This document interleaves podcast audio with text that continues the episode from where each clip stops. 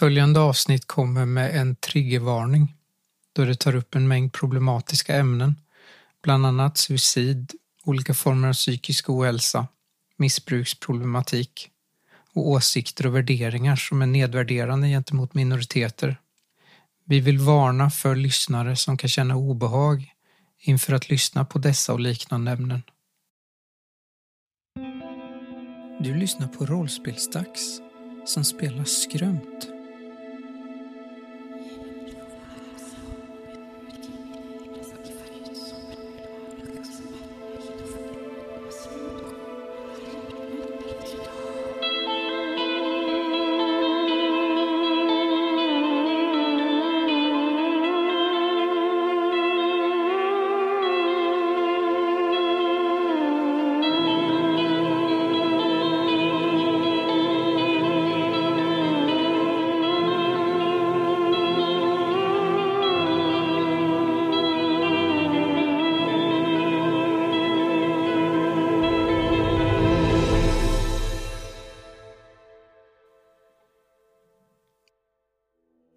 precis gått av tåget. Står där vid Blotbergets station. Det första som möter er det är det här stationshuset. Det står Blotbergets station på byggnaden. En, eh, en gul träbyggnad med vita knutar. Färgen är lite... Det är länge sedan den har målats om den här. Förutom att det står Blotbergets station så står det utställningssal på den också.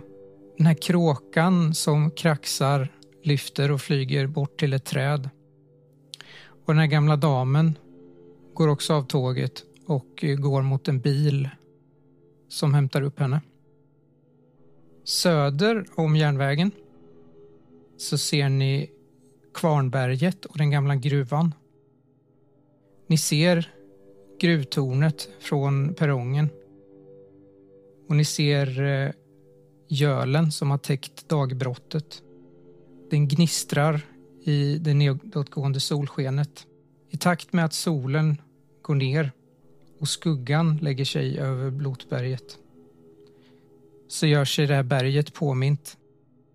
Det tornar upp sig, sträcker på sig som för att visa vem som ja, vem som är störst och vem som bestämmer på den här platsen. Norrut så ligger själva samhället med Klingenbergen som kuliss längst i norr.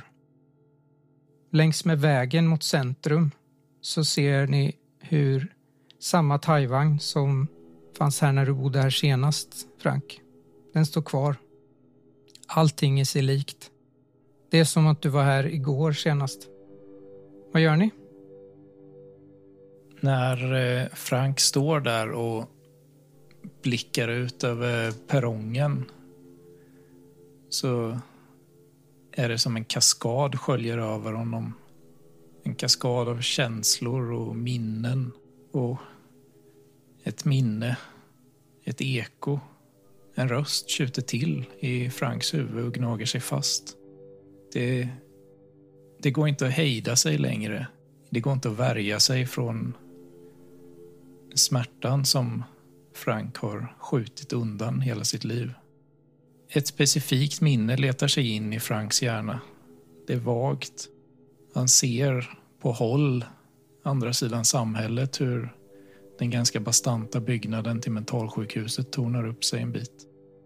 Det vaga minnet visar hur ett par av skolans värsta mobbare hade slängt in Frank inne innanför grindarna, innanför gallret, innanför staketet på institutionen. De skrek åt Frank. Han hör hemma där hans mamma hade varit. Och Frank hade stått på alla fyra där inne i, på gräsmattan, tittat ut genom stängslet, aldrig varit så rädd i hela hans liv. Han kollade sig runt för att se, tyckte sig se demoner i varenda skugga. Sen tar minnet slut. Frank kommer inte ihåg om någon hjälpte honom eller hur han kom därifrån. Och jag skulle vilja ha en tillbakablick där för att få reda på hur Frank kom ifrån området. Okej. Så då är frågan hur kom Frank ifrån det området? Och det ska vi göra en tillbakablick på. Vill du beskriva platsen utanför mentalsjukhuset? Jag kan ju säga att det här är ju i dagsläget ett nedlagt eh, mentalsjukhus. Ja, men det var det ju inte eh, under Franks barndom. Hans mamma hade ju vistats där en stund. Så han hade ju varit inne, eller kanske inte inne på besök, men han hade ju varit där i närheten. Mm. Det är ju en gammal restaurerad herrgård med ett uppbyggt högt staket som för att de som är boende på där inte ska kunna ta sig ut. Så det ser rätt spöklikt ut där det ligger lite ensligt strax. Det ligger väl strax utanför samhället nästan. Alltså vid utkanten. Mm. Och just den här natten regnade det. Och åskade antagligen. Så det är natt och du ligger här innanför det här stängslet. Hur gammal skulle det här... När skulle det här ha hänt? Frank måste väl ha varit 13 va? Hur känner du när du ligger där? Det är kallt, blött.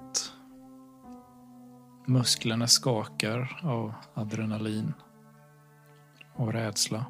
Vågar knappt titta upp för man vet inte vad som finns runt omkring en. Tappar tidsuppfattningen. Vet inte om man stöttar på knä i fem minuter eller om man har stått där i två timmar. Dyker det upp någon? Efter ett tag så vågar ju Frank lyfta huvudet och ser hur de andra killarna har försvunnit, säkerligen för länge sedan. Och det är någon som hjälper Frank upp. Hur ser personen ut? Det är en kille som är kanske något år äldre än Frank, eller samma ålder. Han har på sig en skinnjacka, trasiga jeans. Mikael och Jossan, är det någon ni vill spela? Okej. V- Vem är du? Vad gör du här? De, de, de, de kastade in mig. Va? Vilka då? Frank höjer försiktigt armen och pekar neråt mot samhället. Bor du här? Nej, jag bor på Trastvägen 8. Okej. Men Här kan du inte stanna. Nej. Frank vågar inte kolla sig runt för han är säker på att det finns någonting i buskarna bakom honom. Men jag vet inte om jag kan ta mig, ta mig hem härifrån. Jag eh, tittar på honom ett tag. Det är ju blött och regnar och så, så jag misstänker att han är ganska genomvåt vid det här laget. Ja, men sluta böla nu. Kom här! Jag eh, plockar upp ur ena jackfickan på skinnjackan eh, nycklar i en liten nyckelknippa och stoppar i byxorna. Och sen så tar jag av mig skinnjackan och lägger den runt Frank. Den är ganska varm. Den är ju vattentät. Så. Kom nu. Sen låser jag upp grindarna och börjar gå mot Trastvägen. Låser grindarna efter mig också. Ni är tillbaka där vid stationshuset. På perrongen i Blotberget. I nutid. Det är vår och pollen i luften. Ja, ska vi gå till den där pizzerian då? Ja, vad var det för något igen? Vad heter den? Calzone Kingen eller något sånt där. Vad, ve- Frank, vet du var den ligger? Det står inte på kartan. Frank stirrar tomt framåt och verkar inte riktigt reagera på att du säger någonting till honom. Ja, det kan ju inte vara på så många ställen. Om vi går in mot centrum så ser vi den säkert. Du kanske har en favoritpizzeria? Frank? Nej, osannolikt. Tveksamt om Frank ens åt pizza så himla mycket. Men jag skrev ju ut den där kartan. Mm. Här. Johanna sträcker över kartan till Conny. Conny tittar på kartan. Står det på den var den pizzerian ligger? Nej, Nej. Nej. det står centrum. Så att det var därför Johanna gissade att det förmodligen är där Ja, pizzerian ligger. då konstaterar nog Conny det också. Ja, men eh, vi går väl till centrum då. Kom. Vi kan ju fråga folk. Conny tar, Conny tar väskan, eh, den stora väskan på ryggen och börjar gå. Vi går mot centrum. På vägen mot centrum, ni går först förbi stationshuset med utställningssal och sen så går ni förbi den här thai-vagnen. På vänstersidan så ser ni en eh, bensinstation. Förutom att tanka så finns det en butik och en verkstad där.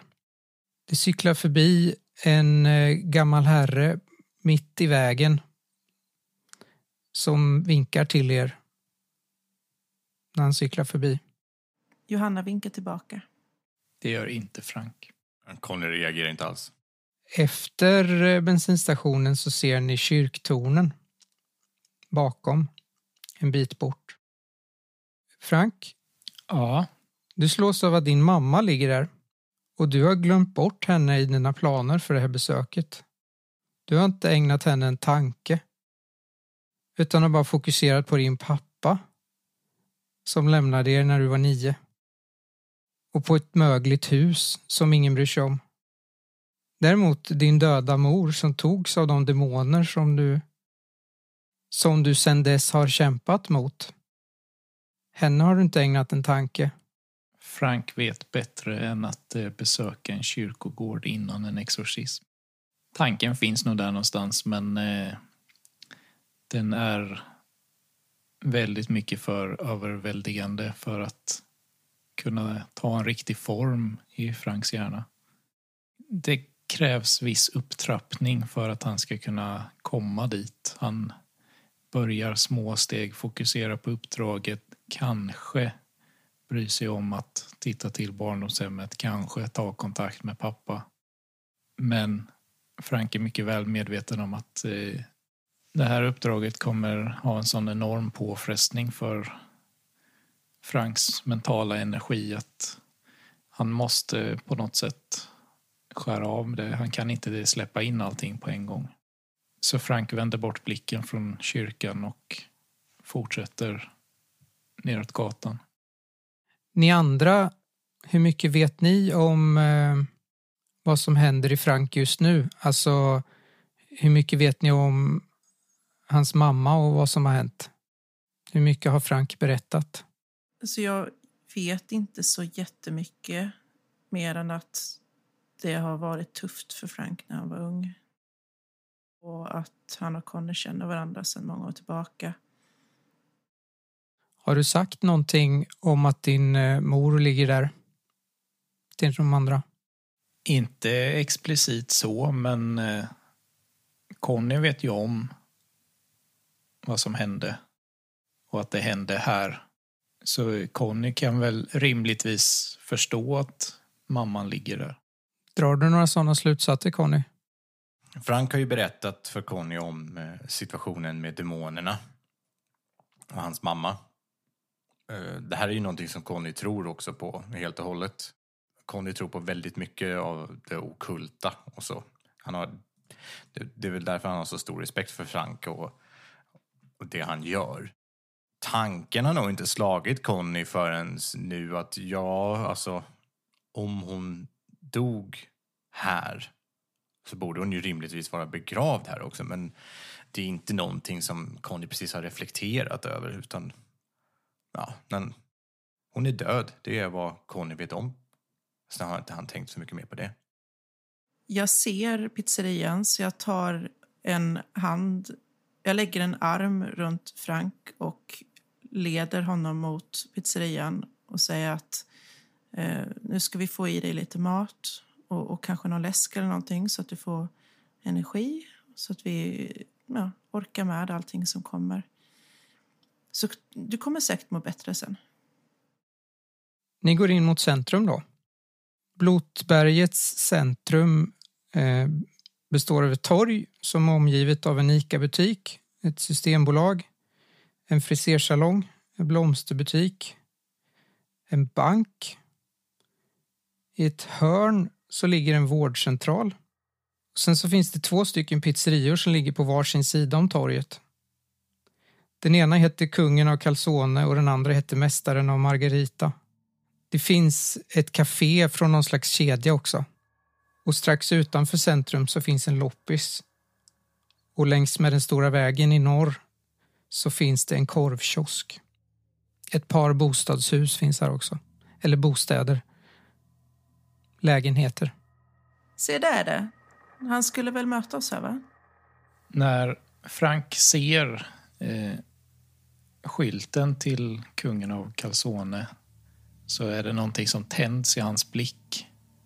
Som om han ruskar av sig hela den här katatoniska känslan som han har dragits med nu. Och han rätar ut sig, sträcker på ryggen och ser nästan ut att växa. Han plockar fram en, ett paket cigaretter ur fickan och tänder den. Ja, ska vi gå då? Vi tänkte ju gå in, men nu ska ju du röka, så nu får vi ju vänta på att du ska röka klart. Frank nickar. Samtalar ni någonting medan Frank röker? Nej, jag tittar in genom fönstren. Eller fönstret, beroende på om det finns flera stycken. Och försöker se kontakten. Det gör det inte. Det som sitter där är eh, en man som läser en tidning. Han har kostym och en röd slips. Och sen sitter det ett yngre par som eh, äter tillsammans. Och sen sitter tre ungdomar längst in i hörnet. Och ni är ju ute så ni hör ju inga ljud men det syns på deras kroppsspråk att de är lite högljudda. Sen står det ju någon bakom disken och eh, fixar mat också. Men vad fan är han inte här för? Vi är ju försenade. Ni är 45 minuter försenade. Han sa att han skulle vänta. 45 minuter är ganska långt. Kan du inte mejla honom? Men jag sa ju att vi var 45 minuter försenade. Har du fått något svar då? Conny tittar i telefonen. Inget svar. Nej, men eh, medan du röker där så ringer jag upp Arne. Du har faktiskt inte Arnes nummer inser du nu. Nej, hur fan sms är det? Du mejlade. Jaha. Ja, det är oklart hur du smsade men eh, du har nog på reflex smsat och sen så har inget svar kommit kanske. Av okänd anledning i alla fall så det enda kontaktuppgift du har är ju faktiskt mejladressen. Det står ingenting om telefonnummer i några av mejlen. Nej. Och för eh, eventuella lyssnare som inte vet vad vi pratar om just nu så finns det en mejlkonversation på våran Facebook som är inledningen till den här kampanjen. Men jag har en sån här smart telefon så att jag eh, slår på hitta.se för att hitta mm, Arne Ågren. Är det en företagstelefon? Eller är det din egen? Nej, Nej, vi har inga företagstelefoner, herregud. nej, det- alltså det är ju bara en privat telefon. Så det är Mm. väl, eh, ja, det är väl Connys då. Conny, menar du allvarligt att du inte tagit kontaktuppgifterna till klienten? Hörru du, nu ska du inte hålla på och ta dig ton här, utan eh, jag hade ett mejlkonversation och det räckte alldeles utmärkt. Ja, det gjorde det. Tills nu Är det då. därför vi inte får tag på honom? Hörru du, jag håller redan Ja, på att nu fixa. lugnar vi ner oss lite här. Det räcker så. Förlåt, Frank. Det lär inte vara så svårt att hitta honom. Hittar du något på hitta? Nej, men om jag får tänka i lugn och ro här ska jag hitta.se. Ja. Förlåt, jag tycker bara att det är ganska oprofessionellt. Ni är ju rätt hungriga också så att jag kan tänka mig att ni har lågt blodsocker och är på dåligt humör. Conny ger Johanna en vass blick. Som sagt, jag går in på hitta.se och söker på Arne Ågren i Blotberget. Ja, du hittar ju ett nummer. Kolla! Här är numret. Nu ringer jag. Ja, gör det. Bra. Det är tyvärr upptaget. Jag går in och beställer så länge. Jag smsar då Mm. det här numret med det sms som jag trodde att jag skickade i, för, i förra avsnittet. Jag säger att eh, vi är 45 minuter sena, men nu är vi här. Vi beställer mat så länge vi väntar här. Du får ett okej tillbaka. Frank, du beställer mat. Ja. Du går in på pizzerian. Den här personen, pizzabagaren. Hallå kompis! Lite hungrig. Ja, en calzone. Och två colaflaskor. Ska bli. Jag går fram och så frågar jag om det, har ni något som är eh, eh, köttfritt alternativ? Gärna mejerifritt också. Givetvis. Du vill ha vegansk pizza? Ja, tack. Har ni det? Alla pizzor kan bli veganska. Ja, nej men eh, ta, ge mig eh, veganskt alternativ någonting, om du, av någonting som du rekommenderar. Conny kom ju in ganska snabbt och efter ett smsat också. Den här pizzabagaren eh, föreslår en eh, vegansk capricciosa. Mycket hungrig idag. Ja, alltså vi har suttit på tåg hela eftermiddagen. Jag vill ha en eh, kebabpizza med extra sås, extra pommes på också. Var det något? Titta på Johanna. Johanna ser äcklad ut av bara tanken på den pizzan. Extra kött med. Sen ler jag lite mot Johanna. Trevligt. Charmigt, Conny. Jag fixar tre pizzor. Tack. Conny betalar. Det brukar han göra. Du har företagskortet. Eh, Jag vill ha kvittot också. Det ska dras av på fakturan sen. Givetvis. Conny, när du tar och eh, ska känna efter i din ficka efter din plånbok så känner du ett stort järnföremål i din ficka. Är det min kniv? Nej, det är ganska grovt. Det är inte alls blankpolerat eller vad man ska säga utan det verkar vara väldigt grov och den är kall. Jag plockar upp den. Det är en stor nyckel. Handsmidd nyckel. Säkert eh, lika stor som en penna. Jaha. Och jag har ingen minne av vart den kom ifrån, eller? Nej, Är min plånbok i samma ficka? ja det är den. Ja, okej. bra. Jag, jag, tittar på nyckeln lite fundersamt och sen eh, betalar jag. Den är ju rätt rostig också. Jaha. Den ser rätt gammal ut. Ja, jag säger nog ingenting om det just nu då. Utan stoppar ner den i andra fickan. Mm. Jag känner lite på den genom byxorna liksom medan jag betalar. Du låter den vara. Ja, jag, men jag, precis. Jag, jag tänker nog på den, men eh, jag tar med mig Johanna och eh, Frank och så, säger, visar att vi ska gå och sätta oss. Liksom. Det ska bli gott med mat nu. Mm. Vi sätter oss väl eh, i ett bord. Det här pizzerian eh, har en så här ganska mörk, lite mysig inredning. Det är mörka bord och mörka bänkar, eller vad säger man? Fåtöljer heter det ju inte. Soffor är det väl inte heller. Ja, det, det är mörk inredning och lite, lite dämpad belysning så här på kvällskvisten. Vi sätter oss en bit bort, alltså. Typ längst in i ett hörn där vi inte syns så bra. Längst bort från de här ungdomarna som, eh, som väsnas. Mm. Mm. Absolut. Nära dem hade det inte funkat att föra ett samtal ändå. Nej. Dagens ungdomar. Den här eh, mannen i kostym med tidning tittar eh, misstänksamt på er och sen när ni sätter er så lämnar han pizzerian. Jag hämtar pizzasallad till allihopa också. Är det samma man i kostym som vi såg tidigare? Eller blandar jag ihop det nu? Var han någon annanstans i förra avsnittet? Eller halva? Nej, han satt väl på pizzerian. Jaha, okej, förlåt. Ja, men då gör jag ingen stor grej av det. Förlåt. Fortsätt. Ja, det var en person som satt och läste tidningen på pizzerian. Ja, ja, ja. Jag har för mig att vi mötte han någon annanstans. Vi mötte någon med en röd slips på tåget. Jo, det var någon på tåget som hade kostym också. Eller om det var på perrongen eh, när vi väntade på tåget kanske då. Något sånt var det. Men det var inte samma person eller? Det tror du inte? Nej. Men du är inte säker? Fast frågan är om Frank inte tror det ändå kanske. Frank försöker minnas färgen på slipsen. Men kan inte placera det. Han kan inte placera färgen på någon av slipsen han såg. Mm.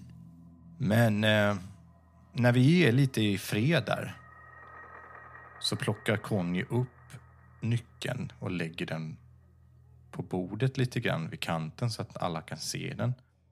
Alltså, kolla vad jag har hittat. Äh, nyckel? Ja, det är korrekt uppfattat. Plockar vi upp skräp nu eller? Det är väl inte skräp, det är en nyckel ser du väl? Ja, men var hittade du den? I min ficka. Va? Ja, den låg i min ficka. Det är en gammal rostig nyckel, vad fan? Och du tycker inte det är konstigt alls att jag har en nyckel i min ficka helt plötsligt? Som jag inte har lagt där själv. Men vadå, var fick du den ifrån då? Jag har ju inte... Jag dämpar mig lite grann. Jag vet ju inte var den kommer ifrån. Den bara låg i min ficka plötsligt. Som någon anti-ficktjuv som lägger saker i fickor istället för att stjäla. Jag tänker om det är någon som har lagt den i din ficka. Ja, vad fan gör man det för? Du, det jag är mest nyfiken på är ju vart den leder och vem vill att vi ska gå dit. Får se den där. Frank sträcker sig efter nyckeln. Ja, titta du. Hur ser den ut? Det är en handsmidd nyckel som eh, varit rostig länge. Eh, den är ungefär lika stor som en penna. Ganska stor med andra ord. Eh, det syns att den är gammal. Har den ett sånt där komplicerat eh, huvud? Alltså, piggarna, alltså, är det många eller är det bara enkelt? Ibland kan ju en lås avgöras av dess komplexitet på grund av hur många, ja, hur komplicerad form den har. Den ser ju handsmidd ut, så eh, allt för komplicerad kanske den inte är. Men, eh, men det är en rejäl nyckel. Det är det ju. Den måste ju gå till något gammalt hus eller någonting. Jag hade de såna här nycklar. Står det någonting på huvudet? Eller på handtaget menar jag. Eh, Ingenting står på den. Kanske... Det kanske är till någon, någon, någon gammal grind eller någonting. Det känns inte som en sån nyckel man vill ha och använda dagligen till en dörr. Den är så stor. nej, vadå? Gamla nycklar var ju stora förr. Det finns ju gott om bondgårdar här runt omkring. Så det går väl säkert till någon gammal laggårdsdörr eller någon skit. Frank litar inte på den här nyckeln. Han ritar upp ett pentagram på bordet med en penna som han försöker dölja lite så inte pizzabagaren ser det. Sen lägger han nyckeln i pentagrammet och strör över salt över det och mässar en skyddsbesvärjelse. Där vill jag att du slår faktiskt. Slå för rörlighet för att undvika att pizzabagaren ser det. Och jag ska slå under mitt fysikvärde. Ja, och om du har ett kunskapsområde som du kan eh, argumentera för att du får använda i sammanhanget så Att gömma undan saker, nej det har jag nog inte. nej, jag tror inte heller. Kunskapsområdena går inte riktigt att applicera på den här situationen. Däremot så har jag ett fakton med ödespoäng. Ja, Och får jag en tärning per ödespoäng eller hur funkar det? ja, Så om jag lägger tre ödespoäng så Mm. har jag totalt fem tärningar och jag ska slå under tre. Jag har tre tärningar som är tre eller under. då lyckas ju du med en fördel. Vad är bonuseffekten? Nej, bonuseffekten är att det står två saltkar vid bordet. Så att det märks inte ens att jag har tagit ett saltkar. Så är det. Men oavsett om det går till en bondgård eller inte så tycker jag att det känns bra att vi har ögonen på oss nu. Nej, det känns bra om vi håller ögonen öppna för att någon har ändå lagt nyckeln i Connys byxor. Mm. Conny nickar. Ni får era pizzor. Här pizzabagaren raddar upp alla tre på rad. bordet. Du får eh, en extra sås och eh, ett eh, smaklig måltid. Tack så mycket. Ja, tack. Och ni hugger in. Ja, Ja, vi käkar väl. Frank har inte jättestor aptit har han inte, så han petar väl mest i, i den. Det har Conny. Han äter upp alltihop. Jag försöker med mitt kroppsspråk hålla mig en bit bort från Connys slafsande så att jag inte får någon av hans köttpizza på min... Telefonen ringer. Conny tittar på numret. Det är Agneta som ringer. Ja, men vad fan. Då får du förklara det, Micke, för det är din... eh, Det, det är min chef. Jag... Eh, eh, hon heter Agneta Fridolin. Hon är min nuvarande chef på den terminal som jag jobbar på. Men jag har ju tagit ledigt för att göra det. Uh, hörni, eh, jag måste ta det här. Jag reser mig upp och, och, och bökar mig ut ifrån där de andra sitter för att inte störa dem när de äter. Eh, Och, och går ut ur restaurangen så att säga, står utanför och svarar. Ja, det är Conny. Ja, men hej Conny. Hej.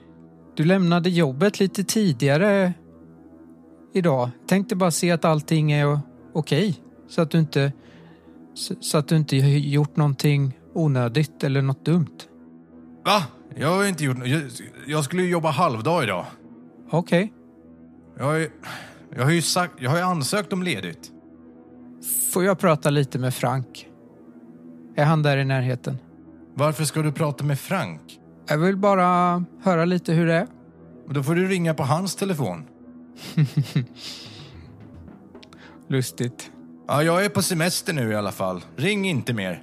Okej. Hej då! Hej då. Sen lägger jag på. fan skulle de vilja prata med Frank för? Det fattar inte jag. Eh, Din pizza kallnar, eh, Conny.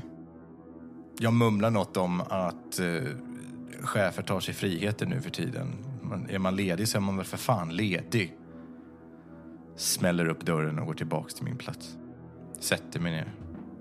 Så jävla sjukt. Det är min chef som ringer och så vill de prata med dig, Frank. Va? Varför då?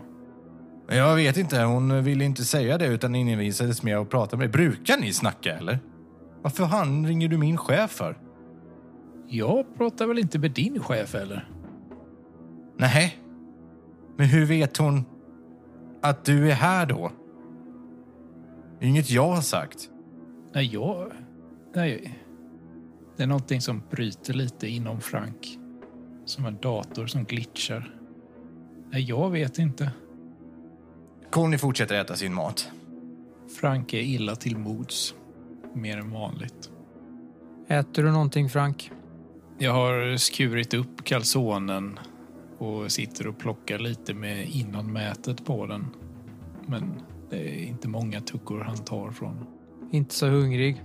Nej. Hur är det med Johanna då? Ja, men den är rätt god. Men eh, för säkerhets skull så, så sniffar jag ganska mycket på, på osten för att ta reda på att den verkligen är vegansk.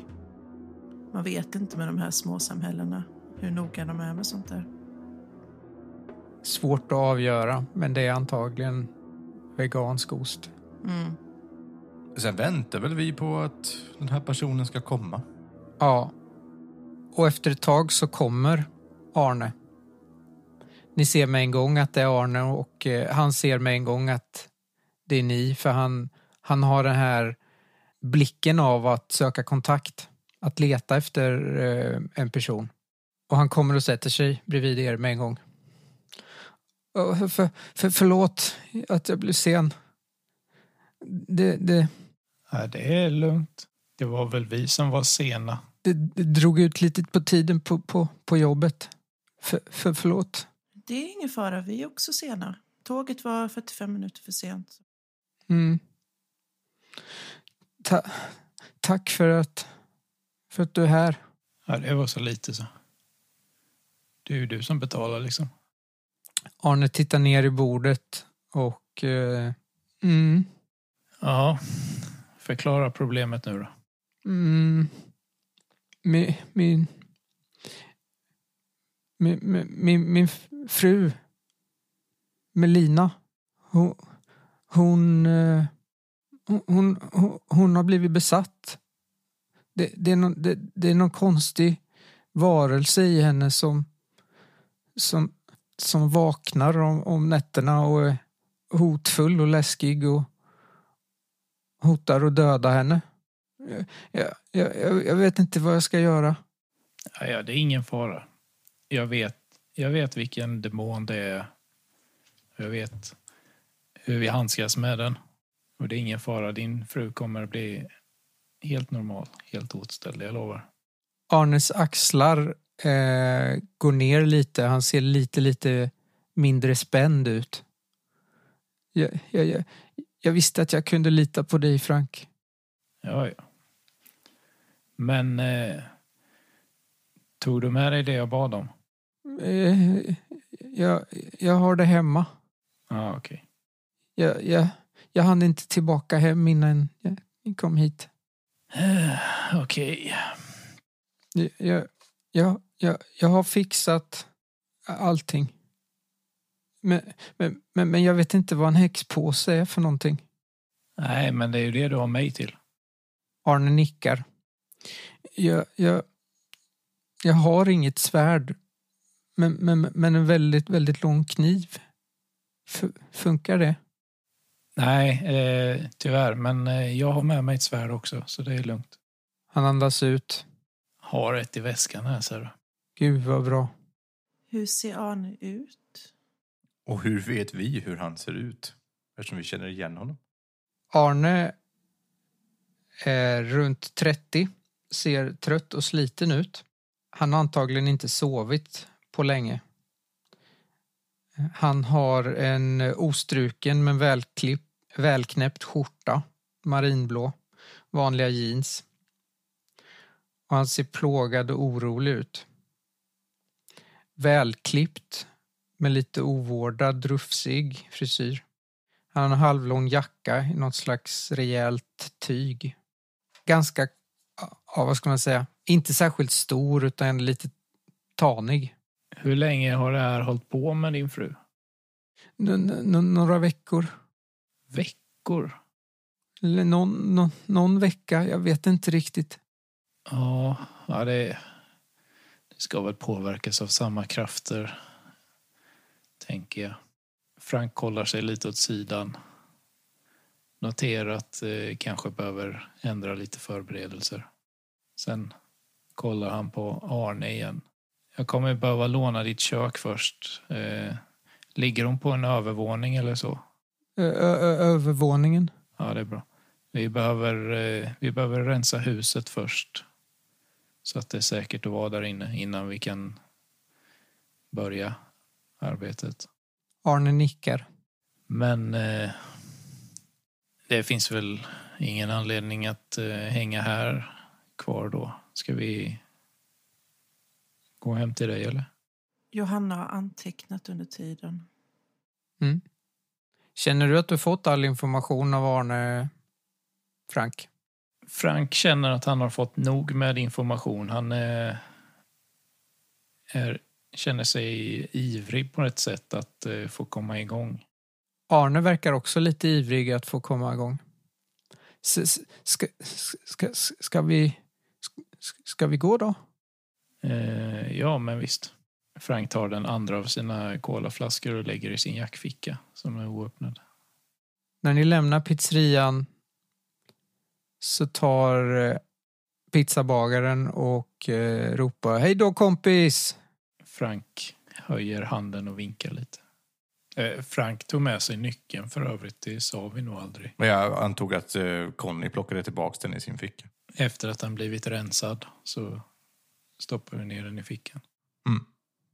Och så går ni ut.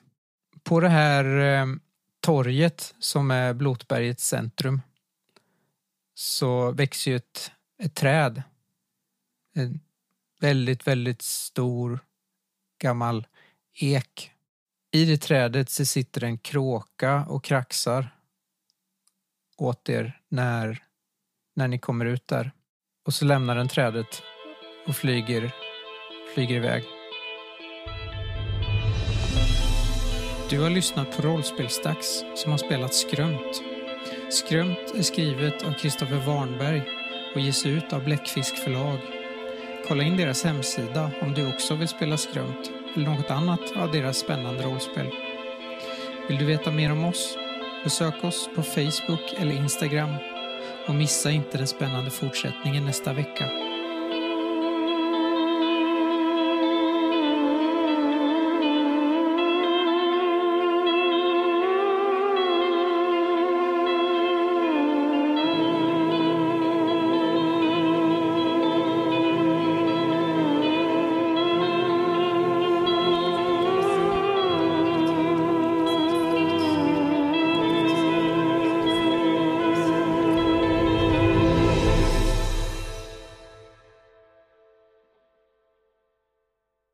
Eftersnack då. Mm. Vi borde ha en liten jingel så här. Eftersnacket. Det skulle bryta stämningen lite. sig. Fullständigt. Det går att fixa. Jag gillar att du tog Bingo Lotto som jingeln också. Det var... Efter varje spelmöte får spelarna möjlighet att reflektera över sin rollperson och vad hen har varit med om under spelmötet. Och det är ju agerande, relationer och identitet som är de tre områdena som ni får självreflektera kring. Vem av er vill börja? Jag kan börja. Jag har väl eh, agerat i min relation, eller? Med Agneta. Mm. Eller är det inte det som räknas? Har den utvecklats på något sätt? Nej. Det har blivit sämre kanske. Nej, jag tror att den är precis lika dålig som den alltid har varit. Men Du har ju haft eh, ganska mycket dialog med Johanna också. Där relationen kanske inte utvecklas nödvändigtvis men den har kristalliserats och framträtt hur den är väldigt tydligt. Men den har inte förändrats. Nej. Måste den förändras? Nej, jag vet inte. Det var vad Jesaja sa. För att få erfarenhetspoäng för att reflektera kring relationer behöver spelaren beskriva hur relationen till en av rollpersonens relationer har förändrats till följd av någonting som har hänt under spelmötet. Vad ligger bakom förändringen och på vilket sätt påverkar det relationen? Omformulera relationens beskrivning så att den bättre överensstämmer med den nya relationen. Nej, det har den ju inte gjort. Jag har inte agerat särskilt mycket med Frank eller Johanna skulle jag säga. Utan det står ju ganska stilla där. Så ingenting. Skulle Inga förändringar. Vad var nästa fråga? Eh, agerande identitet och sen så är det ju uppfylla krokar också. Självreflektion kring agerande och identitet. Jag känner inte att jag haft någon möjlighet riktigt att äh, agera på det. Min karaktär är ju väldigt tvär och grinig och lite mörk humor. Eller satir, ironihumor liksom. Men det är väl, alltså agerande måste väl ändå ingå här. För att Conny har ju ändå agerat. Eller hur funkar det att få erfarenhetspoäng för agerande? Att reflektera kring rollpersonens agerande innebär att spelaren beskriver en händelse eller ett skeende som drastiskt har påverkat rollpersonen och hens världssyn eller framtida agerande. Det är ju jättelätt att veta ett framtida agerande. Ja, det kanske de inte har gjort, men eh, Det kan röra sig om en insikt som rollpersonen får om hur hen beter sig eller att hen har upplevt något som får hen att omvärdera sitt eget agerande eller sin syn på världen. ja, nej. Det kanske inte Jag tycker väl riktigt- inte att jag har uppfyllt något av det. Alltså det Nej. Nej. jag har inte uppfyllt någon av mina krokar heller. Eh, Har du jobbat för dem? Det är när man arbetar för att uppfylla dem som man får erfarenhetspoäng. Inte när de är uppfyllda. Ja, men alltså jag tjabbar ju med folk. Jag försöker väl lite grann också hitta en... eh, Att dra en... eh, Alltså, alltså, jag försöker ju lite grann ibland att eh, få till en strid verbalt eller fysiskt rätt ofta. Ja, du Men försökte liksom ju trigga något. Johanna. Ja, alltså jag jävlas ju med Johanna för att jag vet att det är så lätt liksom. Så en krok har du väl strävat mot? För du hade väl en sån krok? Ja, jo, det kan jag. Jo, det tycker jag. Ja, jag tycker det med. Annars nej. När en rollperson arbetar för att uppfylla en krok sätter spelaren ett kryss i rutan för den aktuella kroken, står det. Det kan ni ju tänka på själva och kryssa om ni har, tänker på att ni har arbetat för den. Ja, Eh, identitet. Att reflektera över rollpersonens identitet innebär att spelaren funderar kring rollpersonens rädsla eller lögn. Att reflektera kring rädsla innebär att spelaren pratar om en situation där rollpersonens rädsla har varit framträdande på något sätt på, och på något sätt påverkat rollpersonen. Har spelaren lärt sig något nytt eller fått större förståelse för rollpersonen genom hur den reagerade på sin rädsla? Har rollpersonens rädsla påverkat hens agerande på ett positivt eller negativt sätt? När man reflekterar över en rollpersons lögn görs detta genom att prata om hur lögnen spelat in i rollpersonens agerande under spelmötet och vilka konsekvenser det har fått. Här kan man också prata om ifall lögnen har satts på prov och om rollpersonen har fått sin tro på lögnen förstärkt eller om hen har börjat se igenom lögnen för vad den är.